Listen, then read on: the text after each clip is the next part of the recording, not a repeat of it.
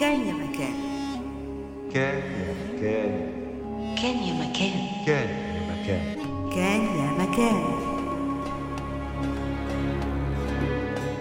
أهلا ومرحبا بكم. أنا منى الشايب وهذه متوالية كان يا مكان. نستكمل اليوم حكايتنا مع الأمير الببغاء وهي قصة شعبية تشيلية من ترجمة أحمد عبد اللطيف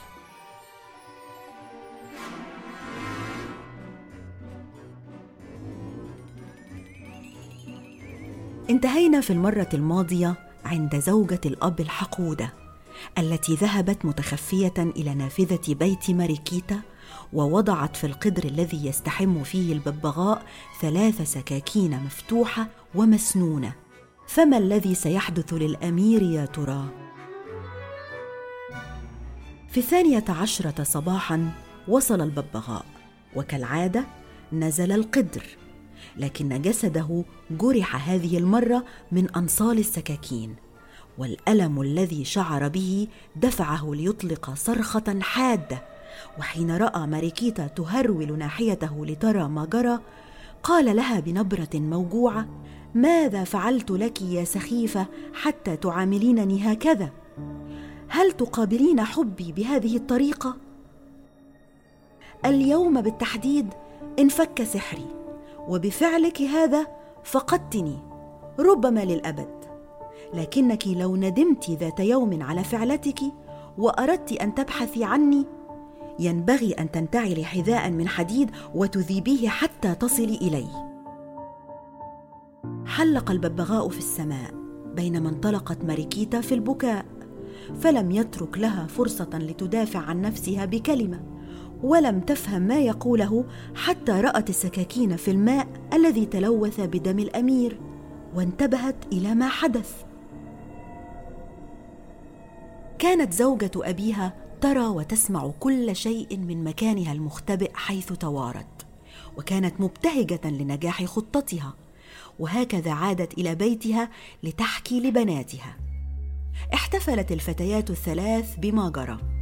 غير أن أكثرهن سعادة في مصيبة ماريكيتا كانت البنت الصغرى بكت ماريكيتا بمرارة لفترة طويلة لكنها فكرت أن الأفضل من البكاء هو الخروج للبحث عن زوجها وسريعا أمرت بصنع حذاء من الحديد انتعلته بمجرد استلامه وانطلقت إلى مصيرها بدون حقيبة إلا مخلة تضم ثيابا بيضاء وخيطا وإبرة ومقصا وزجاجة ماء.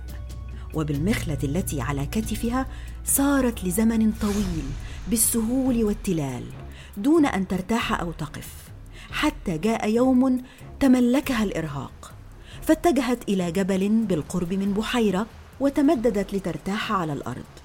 لكنها حين فردت ساقيها لتشعر بالراحة ابتهجت للغاية إذ لاحظت أن حذاءها الحديدي قد ذاب نعله ومن مقدمة الفردتين تطل أصابعها فاعتبرتها علامة واضحة أنها ستلتقي بمحبوبها قريبا.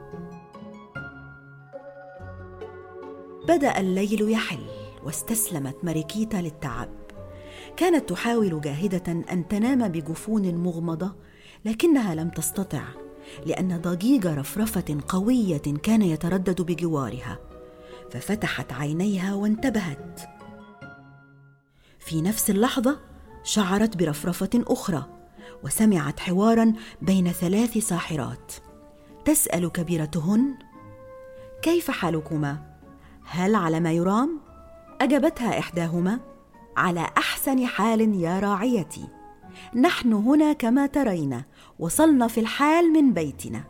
وتركنا هناك زوجي العجوز الأحمق والبنتين الكبرى والوسطى فلا قيمة لهما مثله.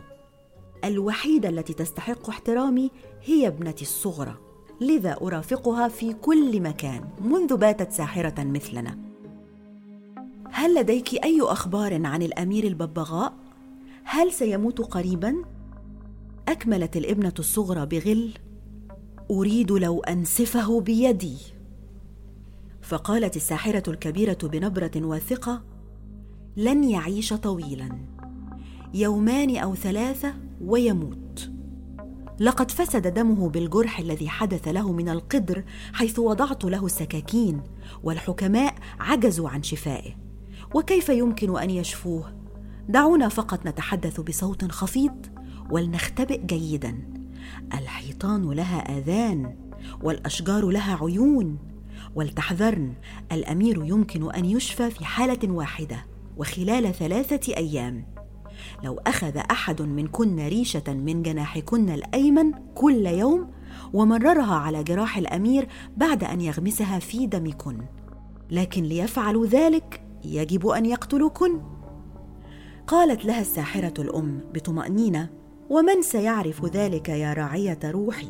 لن يسمح الشيطان بأن يعرف أحد ذلك.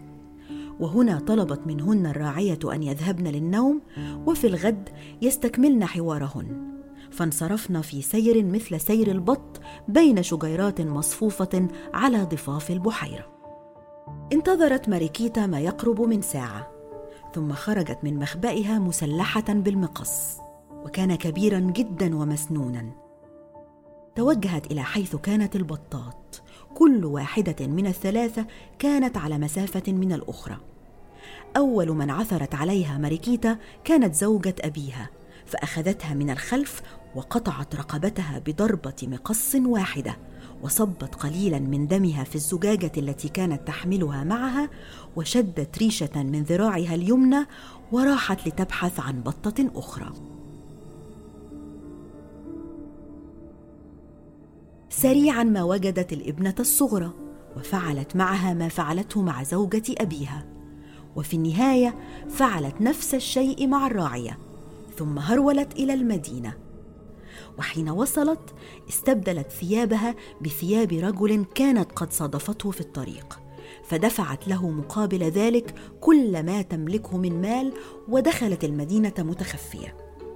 بعد سير قصير التقت امرأة عجوز كانت تسير في حزن شديد فأوقفتها وسألتها ماذا بك يا سيدة؟ أراك شديدة الحزن. أجابتها العجوز بانكسار ماذا يجب أن يحدث يا بني؟ الأمير ابن الملك سيدنا يحتضر والحكماء يقولون إنه من الصعب أن ينجو. فقالت ماريكيتا آه يا أمي أنا حكيم ولو أني استطعت دخول القصر سأشفي المريض في ثلاثة أيام. ابتهجت العجوز غير مصدقة. حقا يا بني سأصحبك إلى القصر فأنا ربيت الأمير على صدري وبوسعي الدخول وقت ما أحب. توجها معا إلى القصر وتحدثت العجوز اولا مع الملك. فأمر بالسماح بدخول الشاب الحكيم إلى حجرة الأمير وطلب الحكيم أن يبقى مع الأمير على انفراد. حين بقيت ماريكيتا بمفردها معه انفجرت في البكاء بمرارة. كان الأمير مغمض العينين وفاقدا للوعي تنز جروحه آلاما لا تحتمل.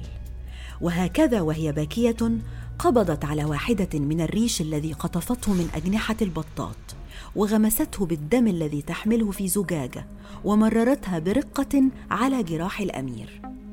في صباح اليوم التالي راح الملك ليطمئن على حال ابنه فطمأنه الحكيم وهو يقول أفضل كثيرا يا سيدي اقترب منه وانظر لقد اختفى الدود وكونت الجروح قشرة. ثم طلب أن يتركوه وحيدا حتى اليوم التالي فانصرف الملك في غاية السرور وبأمل أن ابنه سيعيش.